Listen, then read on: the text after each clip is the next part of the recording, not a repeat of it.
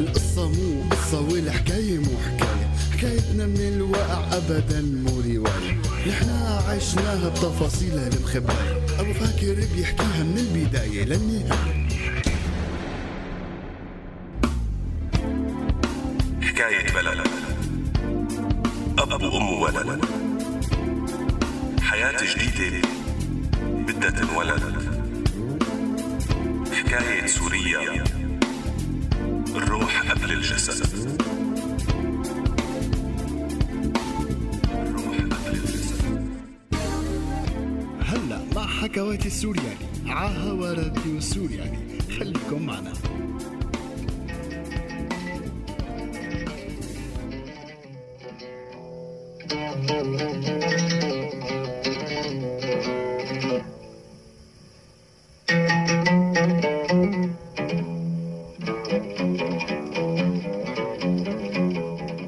كان يا مكان وبأحد أوقات هالزمان. بالضبط من 23 سنة ومثل هالأيام يعني مو كتير من زمان بحي من أحياء دمشق يلي بالميدان. تزوجوا سعيد ويمان. سكنوا ببيت صغير ملوه دفء وحب وحنان. وبنوا علاقة حلوة مع كل الجيران. والكل كان عم ينتظر ويشوف خلفتهم من البنات والصبيان. وبالفعل ما طولوا كتير وعلى السريع لبوا رغبة الأصحاب والخلان. كلها كم شهر والحارة طشت بخبر حامل يمان وخلال سنتين ثلاثة صار عندهم البنوتة رهف والصبي صفوان. كان صفوان هو الأكبر وهو يلي عطى لقب الأم ليمان. لما ولد بليلة من ليالي نيسان وحول بيت سعيد ويمان من بيت عادي لجنان. يمكن ما كان سعيد ويمان طموحهم عالي بس كانوا بيحتلوا أعلى درجة بسلم الإحساس. يمكن ما كانت أحلامهم كبيرة بس كانوا إنهم يشوفوا الناس مرتاحين واحد من أهم الأحلام. كانت يمان بتعشق التفاصيل الصغيرة وبتحب تعمل طقوس لكل شي خاص فيها وبعيلتها. لمستها موجودة بكل شي. كانت مخصصة نوع ورد لكل فرد من أفراد عيلتها. تجففه وتحطه بكيس من القماش مسقوب وتخبيه بالدروج والخزاين حتى تفوح ريحته بين التياب. فنجان القهوة الصبح مع سعيد ما بصير إلا يكون سادة ومعه قرصين معمول عجوة. ويلي بحليه هي نسمة الصبح وريحة الزنبق يلي ما بتخلي ولا يوم ينقص من البيت. طبعا ما بتكمل القعدة الصبحية حسب الطقوس اليابانية إلا بصوت فيروز يكون خافت وواطي وهادي ورايق مثل رواق هالصبح حتى الشراشف يلي بتمدن على كان إلهم شي خاص بينحفر بالبال. هالشي جاي مو بس من ريحتهم الفواحة يمكن من إنها كانت كل ما تمدن تقرأ عليهم المعوذات وتلفهم بالحب والحنان.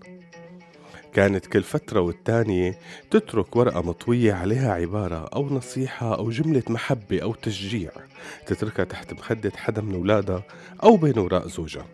كل حدا على حسب شو محتاج يسمع حسب ما هي كانت شايفة بوقتها. يا صورة عايشة في العيون أم الحبيبة أم الحنون. أنا كنت فين قبلك أنا ومن غيرك إزاي أكون؟ أم الحبيبة أم الحنون. يا صبرة دايما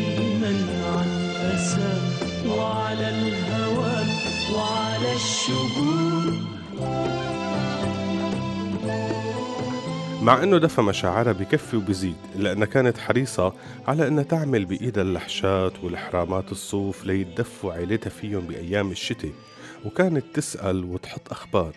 مين حواليهم ناس بردانة لتعمل لهم حرام صوف يدفيهم؟ وبالفعل كان الكل يدعي لها وعلمت ولادها على هالشي. دائما تبعت مع ولادها سندويشتين بدل السندويشة على المدرسة وتقول لهم هالسندويشة مشان إذا حدا بالصف جوعان وما معه سندويشة. قلمين مشان إذا حدا ضاع قلمه نعيره ياه وهيك كبروا ولادها على الكرم والإحساس بالغير وتحمل المسؤولية. كانت مشاعر الأمومة مسيطرة عليها. في ناس بيقولوا مسيطرة عليها بطريقة مبالغ فيها. كان كل ما حدا يجيب سيرة سفر تقول إلا السفر. بدي ولادي يتزوجوا ويضلوا حوالي هن وولادهم لأفرح فيهم وأتهنى. وعلى قولة ما بقدر أعيش بدون ولادي ما بتخيل الحياة إذا ولادي بعد عني. والحقيقة هن كمان كانوا ما بيقدروا يتخيلوا حياتهم بعيد عن أمهم. كبروا صفوان ورهف بهالبيت المترابط ورسموا ذكرى حلوة بكل زاوية من زواياه وبكل لحظة عم يعيشوها فيه. صفوان كان شاطر بالمدرسة. طبعا وقت كان صغير كان مثل كل الأولاد كل يوم عنده حلم جديد. يوم بدي يصير أستاذ يوم دكتور يوم طيار رائد فضاء شرطي عالم بحار. بس لما جد الجد كان حلم صفوان بالفعل إنه يكون طبيب جراح. إجا هالحلم من كونه كان دائما بحب يساعد الكل على تخفيف أوجاعهم وبيعرف إنه في كتير عالم بسبب تكاليف العمليات العالية وعدم مقدرتهم على دفعها بيتحملوا آلامهم بهدوء وصمت. درس كتير منيح بالبكالوريا وانتظر العلامات يلي كانت مثل ما متوقع بتهيئه لدخول فرع الطب.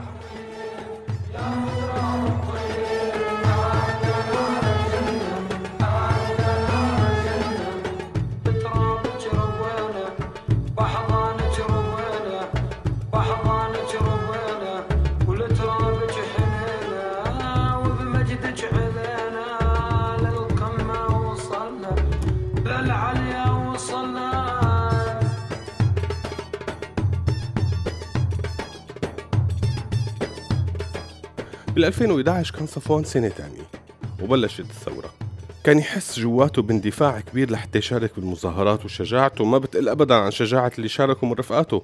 بس كانت أمه دائما هي اللي توقفه. كان من جواته عندها خوف كتير كبير عليه خوف عم يعيقها من إنها تمشي حسب مبادئها ومثل مربية أولادها. كانت كتير عم تمر بصراعات داخلية بينها وبين حالها إنه كل يلي عم يبعتوا أولادهم هن أمهات مثلي. ما في أم ابنها مو غالي عليها. ليش أنا هيك ضعيفة؟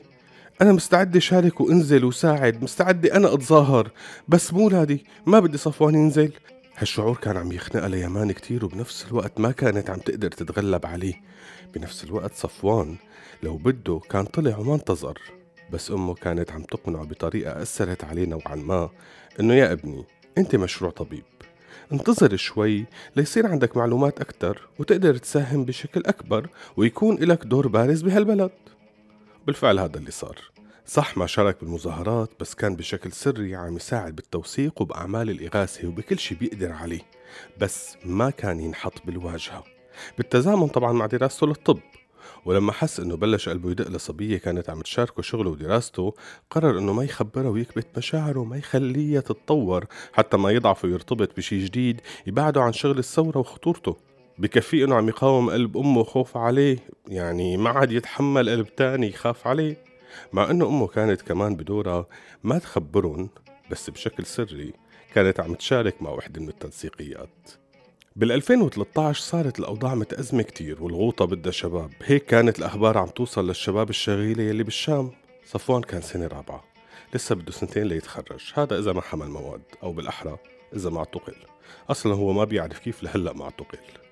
بيوم من الأيام فاتت أمه المسويات لعنده على الغرفة وشافته صفنان. وبما إنها تماما بالجو عرفت ابنها بشو عم يفكر وحست إنه قربت لحظة القوة لحظة الفراق. هالسنتين بالشغل القضية عطوا يمان شجاعة كبيرة. أكيد ما خف ولا للحظة حبها لأولادها بس قوتها هي اللي زادت. حست إنها صارت بتقدر تقدم أكتر. وقبل ما يحكي صفوان ولا كلمة قالت له يا ابني أنا بعرف شو عم تفكر. الجرحى والمرضى والمصابين كتار. يمكن هن بحاجتك. هلأ اجا دورك. اجت هي الكلمات على صفوان مفاجأة كتير.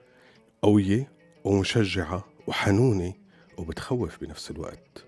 قرار مصيري صعب بس ضروري. بدي اياه وما بدي اياه. بحب عيلتي وبحب بيتي وغرفتي. وما برتاح وقت بشوف الدكاترة يلي معي حتى لو ما عم حاكيهم وبنفس الوقت أنا اخترت فرعي لخفف الآلام وبعرف إنه ضميري ما حيريحني إلا إذا كنت معهم عم قوم بدوري. خلال كم يوم ودع صفوان بيته الدافي وأهله أخته وأمه وأبوه ودع كل شي وداع مليان دموع وانطلق مع دعوات أمه يلي ملت المكان. وقت وصل للغوطة أخذ دوره كطبيب وبلش فورا بالإسعاف. قطب جروح وطلع شظايا وعمل عمليات بسيطة ما كتير خطيرة. وخلال هالفترة كان عم يتمنى يداوي الكل وبالإمكانيات البسيطة اللي عنده. كان عم يقدر يتواصل مع أهله ولو بشكل خفيف يطمن عنهم ويطمنهم عنه. كان أكتر شي يحرق له قلبه الأطفال وأمهاتهم. فورا يتذكر أمه وإنه ما في ولد مغالي على قلب أمه. وبسبعة إيلول 2013 فاقت يمان على قبضة بقلبها وإحساس بشع كتير. كانت مخنوقة فورا قالت صفوان ركضت فتحت الأخبار. شافت أبشع صورة ممكن تتخيلها.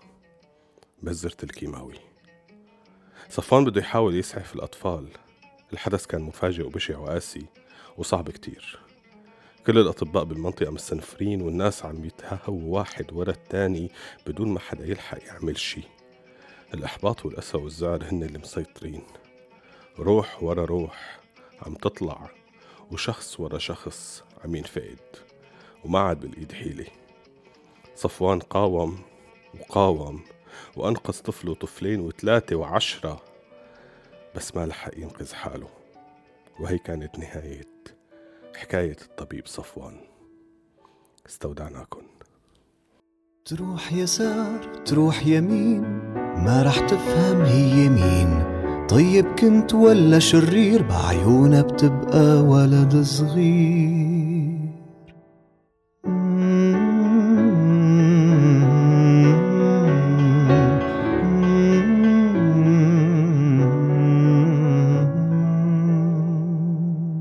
ولما الأيام تجور ودولاب الزمان يدور كل شي كان الشجر بالسما غرقان إلا غصن مكسور.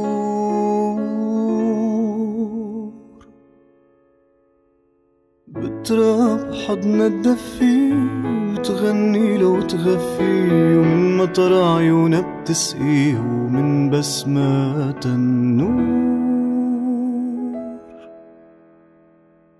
يا من أضاء